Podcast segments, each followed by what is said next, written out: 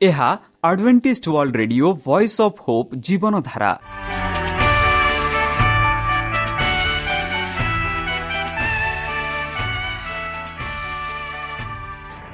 Odia radio କାର୍ଯ୍ୟକ୍ରମ ଯାହା ଆମର ଆନ୍ତର୍ଜାତୀୟ ଆଘାତ କେନ୍ଦ୍ରରୁ ପ୍ରସାରଣ କରାଯାଉଛି ପ୍ରତିଦିନ ରାତି ନଅଟା ତିରିଶ ମିନିଟ୍ରେ।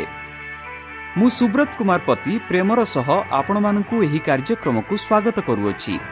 ଚାଲନ୍ତୁ ଆଜିର ତିରିଶ ମିନିଟ୍ର କାର୍ଯ୍ୟକ୍ରମ ବିଷୟରେ ଜାଣିନେବା। ପ୍ରଥମେ ରଖିଛୁ ଆଧ୍ୟାତ୍ମିକ ଭକ୍ତିମୟ ଗୀତ। ଏହାପରେ ଶୁଣିବା ସ୍ୱାସ୍ଥ୍ୟ ବିଷୟରେ ଯାହା ଆମର ଦୈନିକ ଜୀବନରେ ଅତ୍ୟନ୍ତ ଜରୁରୀ। ଆଉ ପରିଶେଷରେ ଶୁଣିବା ପରମେଶ୍ୱରଙ୍କ ଭକ୍ତଙ୍କଠାରୁ ଜୀବନଦାୟକ ଈଶ୍ୱରଙ୍କ ବାକ୍ୟ। ପ୍ରିୟ ଶ୍ରୋତା ତାହେଲେ ଚାଲନ୍ତୁ ଶୁଣିବା ଏକ ଆଧ୍ୟାତ୍ମିକ ଭକ୍ତିମୟ ଗୀତ।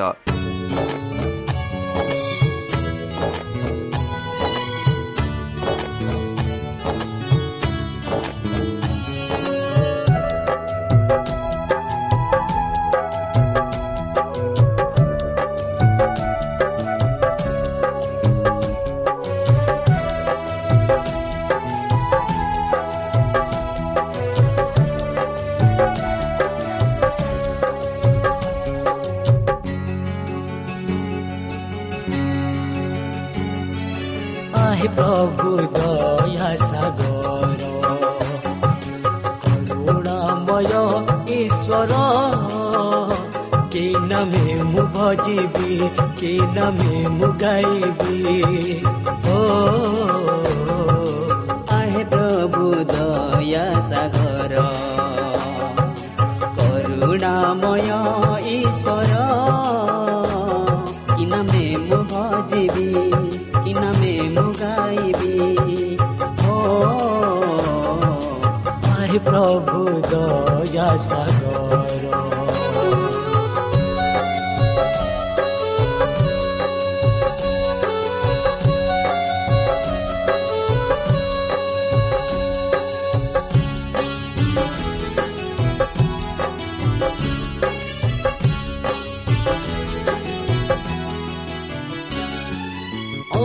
ঠিকান আমার মোজা পেছে। পাইলেন কৌতে মো শান্তি প্রভু নাম গটিয়ে মু জপি পাই আজি মু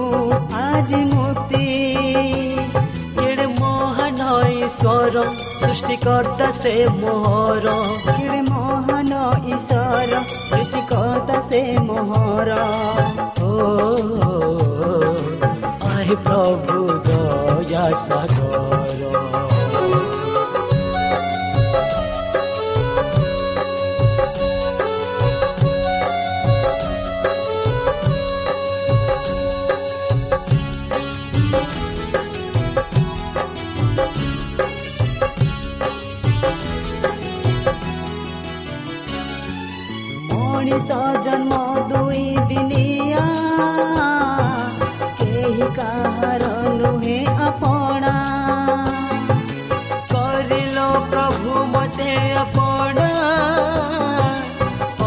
তিৰু হেলি মোৰ সান্তনা আহে ঈশ্বৰ নন্দন আহে পতিত পাৱন আহে ঈশ্বৰ নন্দন আহে পতিত পাৱন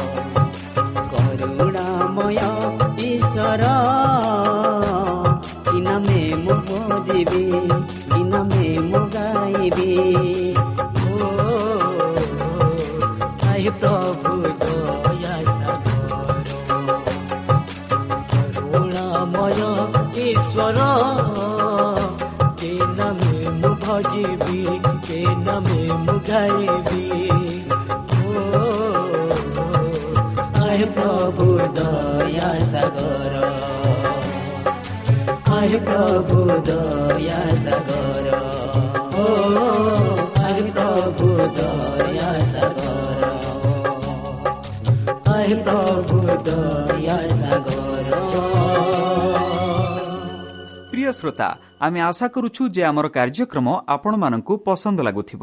ଆପଣଙ୍କର ମତାମତ ଜଣାଇବା ପାଇଁ ଆମର ଏହି ଠିକଣାରେ ଯୋଗାଯୋଗ କରନ୍ତୁ।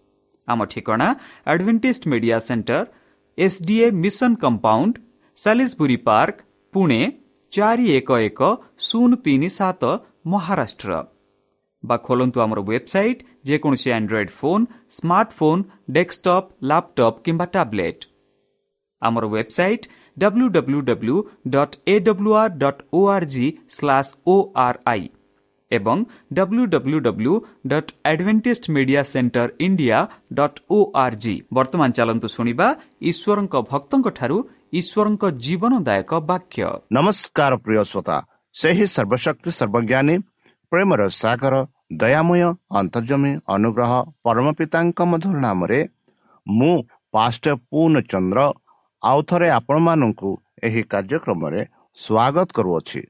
ସେହି ସର୍ବଶକ୍ତି ପରମେଶ୍ୱର ଆପଣମାନଙ୍କୁ ଆଶୀର୍ବାଦ କରନ୍ତୁ। ଆପଣଙ୍କୁ ସମସ୍ତ ପ୍ରକାର ଦୁଃଖ କଷ୍ଟ ବାଧା କ୍ଲେଶ ଓ ରୋଗରୁ ଦୂରେଇ ରଖନ୍ତୁ। ଶତ୍ରୁ ସୈତାନ ହସ୍ତରୁ ସେ ଆପଣଙ୍କୁ ସୁରକ୍ଷାରେ ରଖନ୍ତୁ। ସେ ପରମେଶ୍ୱର ଆପଣଙ୍କ ସମସ୍ତ ମନୋକାମନା ପୂର୍ଣ୍ଣ କରନ୍ତୁ। ତାହାଙ୍କ ପ୍ରେମ ତାହାଙ୍କ ସ୍ନେହ ତାହାଙ୍କ କୃପା ତାହାଙ୍କ ଅନୁଗ୍ରହ ସଦାସର୍ବଦା ଆପଣଙ୍କଠାରେ ସହବର୍ତ୍ତୀ ରହୁ। ପ୍ରିୟସତା ଚାଲନ୍ତୁ। ଆଜି ଆମ୍ଭେମାନେ କିଛି ସମୟ ପବିତ୍ର ଶାସ୍ତ୍ର ବାଇବଲଠୁ ତାହାଙ୍କ ଜୀବନଦାୟକ ବାକ୍ୟ ଧ୍ୟାନ କରିବା। ଆଜିର ଆଲୋଚନା ହେଉଛି ବାଇବଲର ତିନୋଟି ଭାଗ। ବନ୍ଧୁ ଚାଲନ୍ତୁ। ଆଜି ବିଶେଷ ଭାବରେ ବାଇବଲ କିପରି ତିନି ତିନୋଟି ଭାଗରେ ବିଭାଗ ହୋଇଅଛି ବିଶେଷ ଭାବରେ ତାଙ୍କ ବାକ୍ୟ ଧ୍ୟାନ କଲା ବେଳେ ତାଙ୍କ ପବିତ୍ର ଶାସ୍ତ୍ର ପଢ଼ିବା ବେଳେ ଆମେ ଏହିସବୁ ବିଶେଷ ଭାବରେ ମନରେ ରଖିବା ଉଚିତ।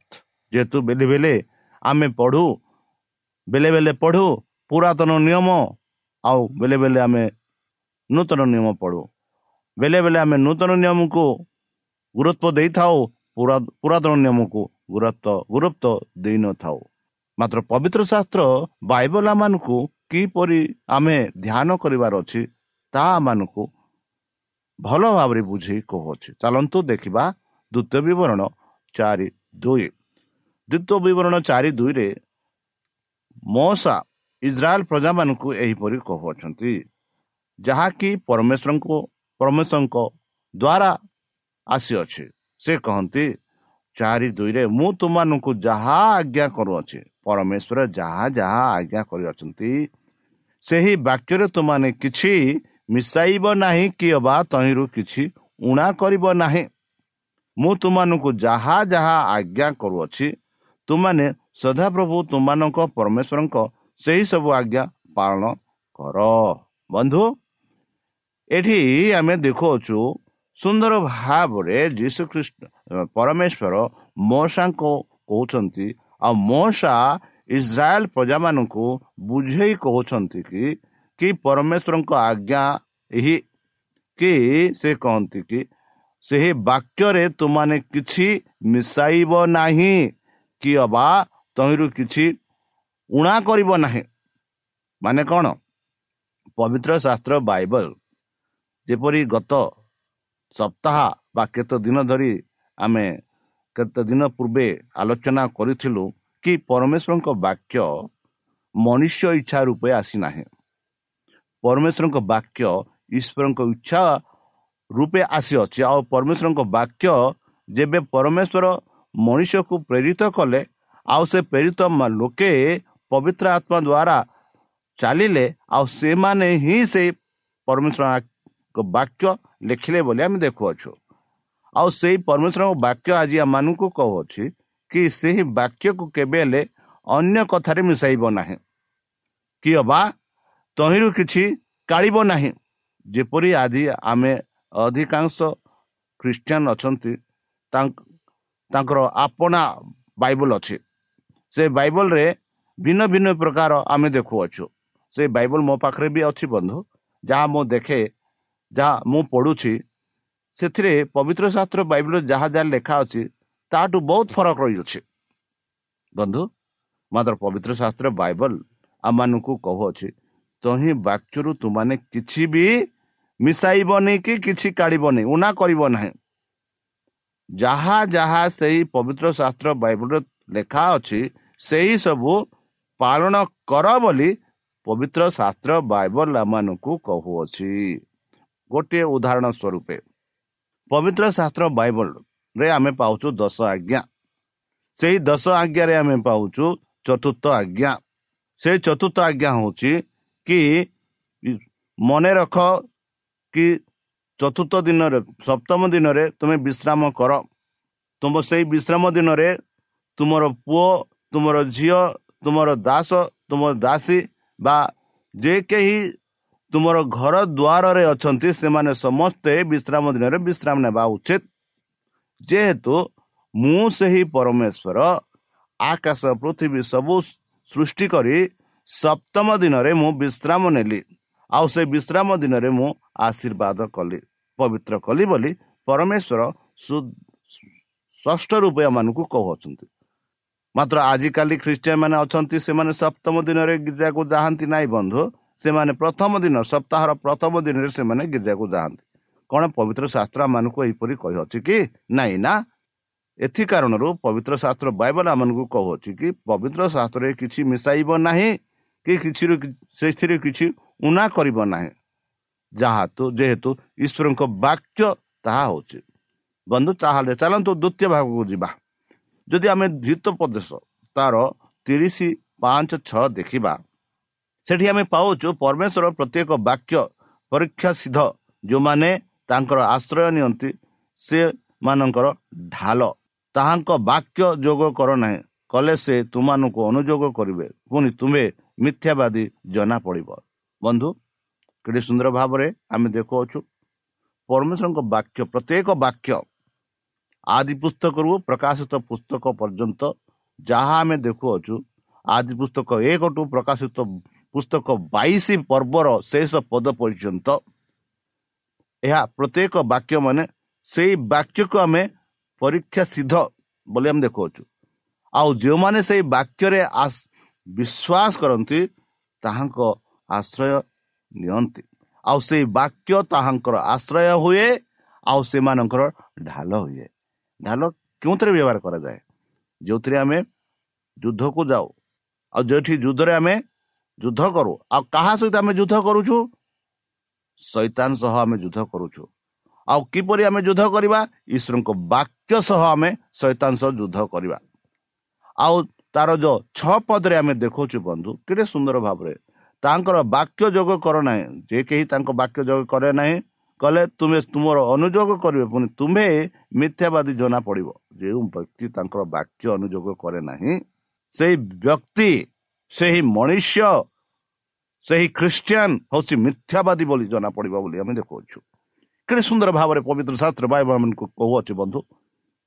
ତାହାଙ୍କ ବାକ୍ୟରେ ଯିଏ ମନୋଯୋଗ କରେ ନାହିଁ ଆଉ ଅନୁଯୋଗ କରିବେ ପୁଣି ତୁମ୍ଭେ ମିଥ୍ୟାବାଦୀ ବୋଲି ଜଣା ପଡ଼ିବ ବୋଲି ଆମେ ଦେଖୁଅଛୁ। ବନ୍ଧୁ ପବିତ୍ର ଶାସ୍ତ୍ର ବାଇବଲ ହେଉଛି ଈଶ୍ୱରଙ୍କ ବାକ୍ୟ।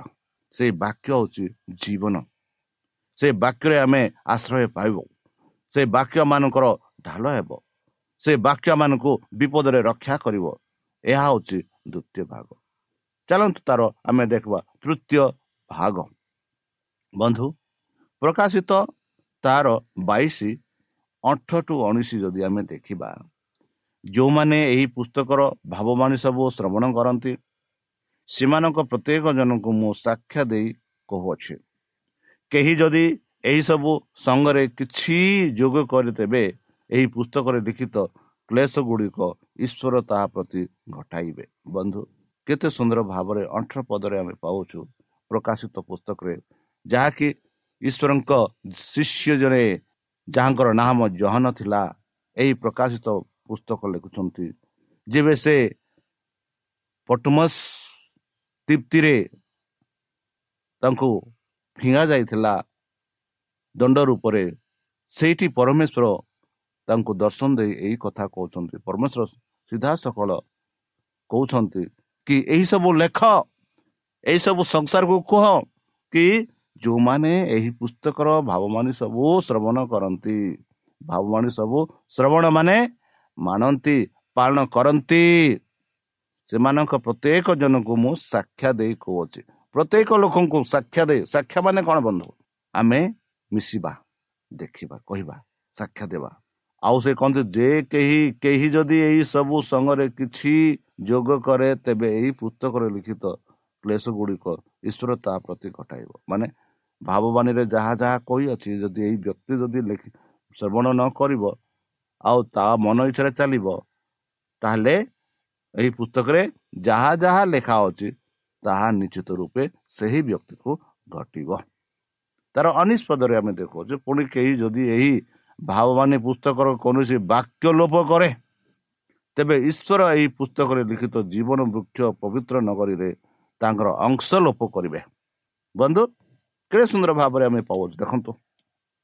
ଯେପରି ଏତେ ଏବେ ପର୍ଯ୍ୟନ୍ତ ମୁଁ ଆପଣମାନଙ୍କୁ ଏଇ ଯେଉଁ ପବିତ୍ର ଶାସ୍ତ୍ର ବାଇବଲ ବିଷୟରେ ମୁଁ ବୁଝେଇ କହୁଅଛି ବନ୍ଧୁ କି ଏହି ପବିତ୍ର ଶାସ୍ତ୍ର ବାଇବଲ କେଡ଼େ ସୁନ୍ଦର ଭାବରେ କହୁଅଛି କି ଆମେ ଅଧିକ ଭାବରେ ଖ୍ରୀଷ୍ଟିଆନ ରୂପେ ପରିଚୟ ହୋଇଅଛୁ।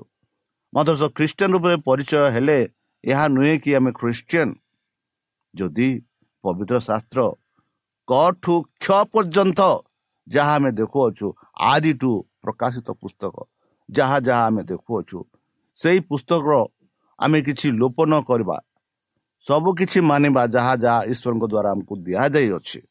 ସେଇ ବାକ୍ୟକୁ ଯଦି ଆମେ ମାନିବା ତାହେଲେ ଆମର ଯା ସ୍ୱର୍ଗର ଯିବାର ବା ସେଇ ଜୀବନ ବୃକ୍ଷ ପବିତ୍ର ନଗରୀରେ ଆମର ଅଂଶ କେବେ ହେଲେ ଲୋପ ହେବ ନାହିଁ। ମାତ୍ର ଯେ କେହି ସେହି ବାକ୍ୟକୁ ଲୋପ କରେ ଆଉ ଭିନ୍ନ ପ୍ରକାର ଶିକ୍ଷା ଦିଏ ସେହି ବ୍ୟକ୍ତି ସେହି ସ୍ୱର୍ଗ ରାଜ୍ୟରେ ପ୍ରବେଶ କରିପାରିବ ନାହିଁ। ସେହିପରି ପବିତ୍ର ଶାସ୍ତ୍ର ବାଇବଲ ଏମାନଙ୍କୁ କହୁଅଛି ବନ୍ଧୁ ପୁଣି କେହି ଯଦି ଏହି ଭାବମାନୀ ପୁସ୍ତକର କୌଣସି ବାକ୍ୟ ଲୋପ କରେ ତେବେ ଈଶ୍ୱର ଏହି ପୁସ୍ତକରେ ଲିଖିତ ଜୀବନ ବୃକ୍ଷ ଓ ପବିତ୍ର ନଗରୀରେ ତାର ଅଂଶ ଲୋପ କରିବେ। କେତେ ସୁନ୍ଦର। ମାନେ ସେଇ ଲୋକଟା ସ୍ୱର୍ଗରାଜ ଯାଇପାରିବ ନାହିଁ ବା ସେହି ବ୍ୟକ୍ତିଟା ସ୍ୱର୍ଗରାଜ ଯାଇପାରିବ ନାହିଁ। ସେହି ଲୋକ ଜୀବନ ପ୍ରାପ୍ତ ହୋଇପାରିବ ନାହିଁ।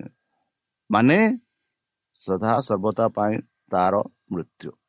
ଜହନ ଦଶ ପଚିଶ ଆମେ ଦେଖୁଅଛୁ ଯେଉଁମାନଙ୍କ ନିକଟରେ ଈଶ୍ୱରଙ୍କ ବାକ୍ୟ ଉପସ୍ଥିତ ହେଲା ସେମାନଙ୍କୁ ଯଦି ସେ ଈଶ୍ୱରଙ୍କ ବୋଲି କହିଲେ ଆଉ ଧର୍ମଶାସ୍ତ୍ର ଖଣ୍ଟନ କରାଯାଇପାରେ ନାହିଁ। ବନ୍ଧୁ ଯେତେ ଲୋକ ଈଶ୍ୱରଙ୍କ ବାକ୍ୟ ବର୍ତ୍ତମାନ ଆପଣମାନେ ସମସ୍ତେ ଏଇ ବାକ୍ୟ ଶୁଣୁଛନ୍ତି ବନ୍ଧୁ।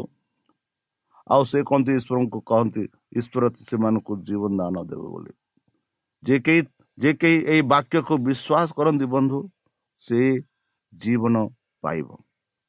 ଈଶ୍ୱରଙ୍କ ବାକ୍ୟ ଯେ କେହି ଶୁଣି ପାଳନ କରୁଅଛି ସେ ଅନନ୍ତ ଜୀବନ ପ୍ରାପ୍ତ ହେବ ବୋଲି ପବିତ୍ର ଶାସ୍ତ୍ର ବାଇବଲ ମାନଙ୍କୁ କହୁଅଛି ଚାଲନ୍ତୁ ବନ୍ଧୁ ଦେଖିବା ଯେ ସେ ପୁସ୍ତକ ତାର ପାଞ୍ଚ ଏଗାର।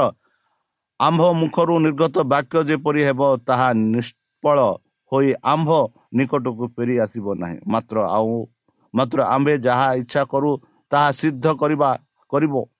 ଓ ଯେଉଁ କାର୍ଯ୍ୟ ପାଇଁ ଆମ୍ଭେ ପ୍ରେରଣ କରୁ ତହିଁରେ କୃତାର୍ଥ ହେବ। ଜିରିମିୟ ତାର ତେଇଶ ଅଠାଇଶ ଆମେ ଦେଖୁଛୁ ବନ୍ଧୁ ଯେଉଁ ଭବିଷ୍ୟତ ଭକ୍ତା ସ୍ୱପ୍ନ ଦେଖିଅଛି ସେ ସ୍ୱପ୍ନ କଥା ପ୍ରକାଶ କରୁ। ପୁଣି ଯେ ଆମର ବାକ୍ୟ ପାଇ ଅଛି ସେ ବିଶ୍ୱାସ ବିସ୍ତୃତ ରୂପେ ଆତ୍ମାର ବାକ୍ୟ କହୁ। ସଦାପ୍ରଭୁ କହନ୍ତି ଶସ୍ୟ ନିକଟରେ ପାଳ କହଣ। ବନ୍ଧୁ କେତେ ସୁନ୍ଦର ଭାବରେ ଯେଉଁ ବ୍ୟକ୍ତି ମୋ ବାକ୍ୟ ପଢ଼ନ୍ତି ଯେଉଁ ବାକ୍ୟ ସେମାନେ ଶୁଣନ୍ତି ସେ ସଦାପ୍ରଭୁଙ୍କ ଠାରେ ବିଶ୍ୱାସ କରନ୍ତୁ ବୋଲି ଆମେ ଦେଖୁଅଛୁ। ସେହିପରି ଜିସାୟ ଚାଳିଶ ସାତରୁ ଆଠ ଦେଖୁଅଛୁ ବନ୍ଧୁ। କି ତୃଣ ଶୁଷ୍ୟ ହୋଇପାରେ ପୁଷ୍ପ ମଗ୍ନ ହୁଏ କାରଣ ତହିଁ ଉପରେ ସଦାପ୍ରଭୁଙ୍କ ଶ୍ୱାସବାୟୁ ବହେ ନିଶ୍ଚୟ ଲୋକମାନେ ତୃଣ ସ୍ୱରୂପ। ତୃଣ ସ୍ପଷ୍ଟ ହୋଇଯାଏ ପୁଷ୍ପ ମିଳତ ମିଳନ ହୁଏ ମାତ୍ର ଆମମାନଙ୍କ ପରମେଶ୍ୱର ବାକ୍ୟ ଅନନ୍ତ କାଳ ସ୍ଥାୟୀ ଏହା ମନେ ରଖିବାକୁ ପଡ଼ିବ ବନ୍ଧୁ। ଆମମାନଙ୍କ ପରମେଶ୍ୱରଙ୍କ ବାକ୍ୟ ହେଉଛି ଅନନ୍ତ କାଳ ସ୍ଥାୟୀ।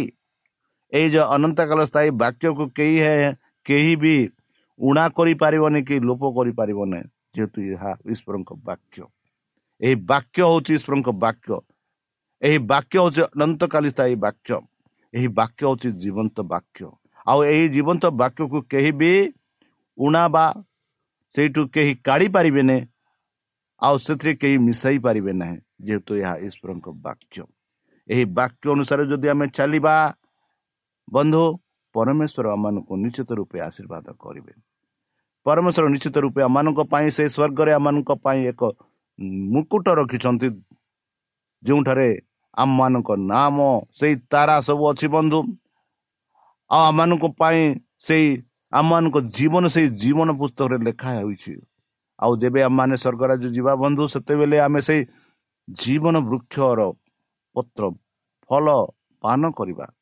ସେଇ ଜୀବନ ଜଳରେ ଆମେ ଚାଲିବା ପିଇବା। ବନ୍ଧୁ ଏହିପରି ସୁଯୋଗ ମିଳିବ ଯେତେବେଳେ ଆମେ ଧର୍ମଶାସ୍ତ୍ର ଉପରେ ବିଶ୍ୱାସ କରିବା ସେଇ ଈଶ୍ୱରଙ୍କ ବାକ୍ୟକୁ ବିଶ୍ୱାସ କରିବା ସେ ଯୀଶୁଖ୍ରୀଷ୍ଟଙ୍କୁ ଆମେ ବିଶ୍ୱାସ କରିବା। ଯେବେ ଆମେ ବିଶ୍ୱାସ କରିବା ସେତେବେଳେ ସେ ସ୍ୱର୍ଗରାଜ ଯିବା ପାଇଁ ଉପଯୁକ୍ତ ହୋଇପାରିବା। ତାହେଲେ ପ୍ରିୟ ବନ୍ଧୁ ଚାଲନ୍ତୁ। ଯେହେତୁ ଈଶ୍ୱରଙ୍କ ବାକ୍ୟ ହେଉଛି ଅନନ୍ତକାଳ ସ୍ଥାୟୀ। ସେଇ ଅନନ୍ତକାଳ ସ୍ଥାୟୀ ବାକ୍ୟକୁ ଆମେ ବିଶ୍ୱାସ କରି ତାହାଙ୍କ ପଥେ ତାହାଙ୍କ ବାକ୍ୟରେ ଧ୍ୟାନ ଦେଇ ଚାଲିବା। ତାହା ନୁହେଁ ଅନ୍ୟମାନଙ୍କୁ ମଧ୍ୟ ଏହି ବାକ୍ୟ ବିଷୟରେ ବୁଝାଇ କହିବା। ତାହେଲେ ଚାଲନ୍ତୁ ବନ୍ଧୁ ନିଜକୁ ସମର୍ପଣ କରି ତାହାଙ୍କ ମଧୁରଣ ଆମେ ଆମେ ପ୍ରାର୍ଥନା ଅର୍ପଣ କରିବା। ହେ ଆମ୍ଭମାନଙ୍କ ସର୍ବଶକ୍ତି ସର୍ବଜ୍ଞାନୀ ପ୍ରେମର ସାଗର ଦୟାମୟ ଅନ୍ତର୍ଜମୀ ଅନୁଗ୍ରହ ପରମ ପିତା ଧନ୍ୟବାଦ ଅର୍ପଣ କରୁଛୁ ପ୍ରଭୁ। ବର୍ତ୍ତମାନ ଯେଉଁ ବାକ୍ୟ ତୁମ ସେହି ପବିତ୍ର ଶାସ୍ତ୍ରରୁ ଆମେ ଶୁଣିଲୁ ସେହି ବାକ୍ୟ ଅନୁସାରେ ଆମମାନଙ୍କୁ ଚାଲିବା ପାଇଁ ଶକ୍ତିରେ ଜ୍ଞାନରେ ପରିପୂର୍ଣ୍ଣ କର। ଆମ ପାପ ସବୁ ତୁମ ସେହି ବହୁମୂଲ୍ୟ ରକ୍ତରେ ପରିଷ୍କାର ରୂପେ ଧୋଇ ଦିଅ। ଶତ୍ରୁ ସୈତାନ ହସ୍ତରୁ ଆମମାନଙ୍କୁ ସୁରକ୍ଷାରେ ରଖ। ସେହି ପବିତ୍ରାତ୍ମ ଦ୍ୱାରା ଆମମାନଙ୍କୁ ପରିଚାଳନା କର।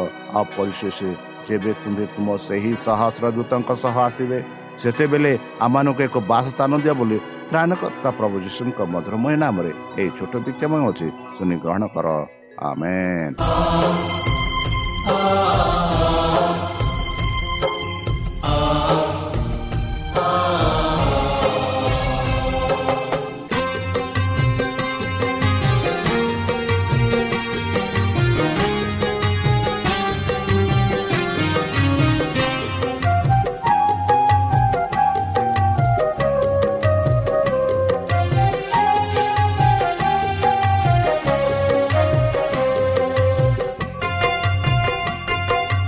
ଝୁଲିଲ ମୋ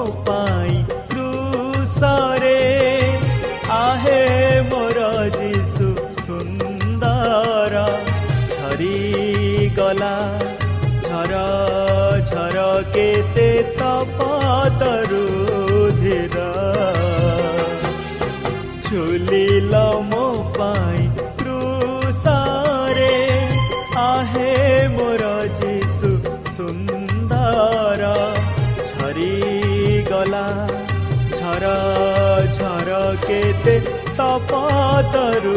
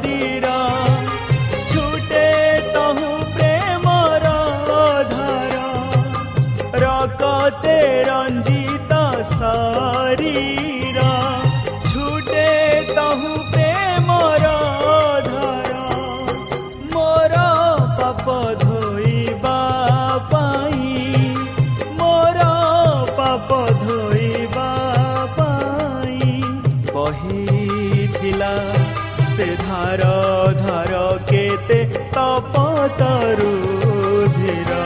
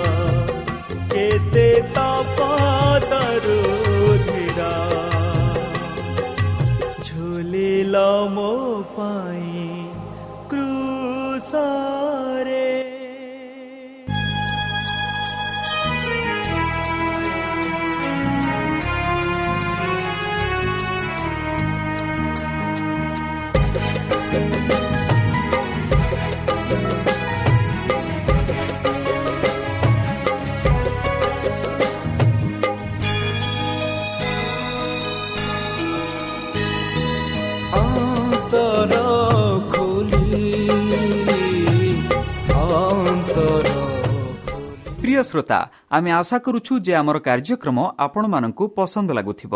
ଆପଣଙ୍କର ମତାମତ ଜଣାଇବା ପାଇଁ ଆମର ଏହି ଠିକଣାରେ ଯୋଗାଯୋଗ କରନ୍ତୁ। ଆମ ଠିକଣା Adventist media centre S D A mission compound Salisbury park Pune ଚାରି ଏକ ଏକ ଶୂନ ତିନି ସାତ ମହାରାଷ୍ଟ୍ର।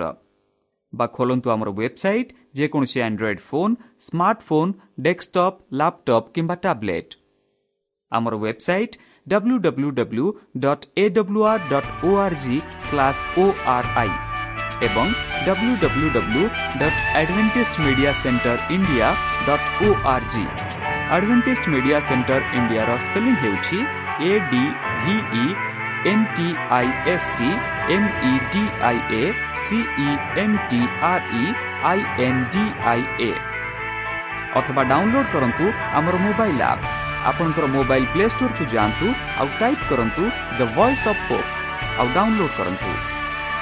ଈଶ୍ୱର ଆପଣଙ୍କୁ ଆଶୀର୍ବାଦ କରନ୍ତୁ। ଧନ୍ୟବାଦ।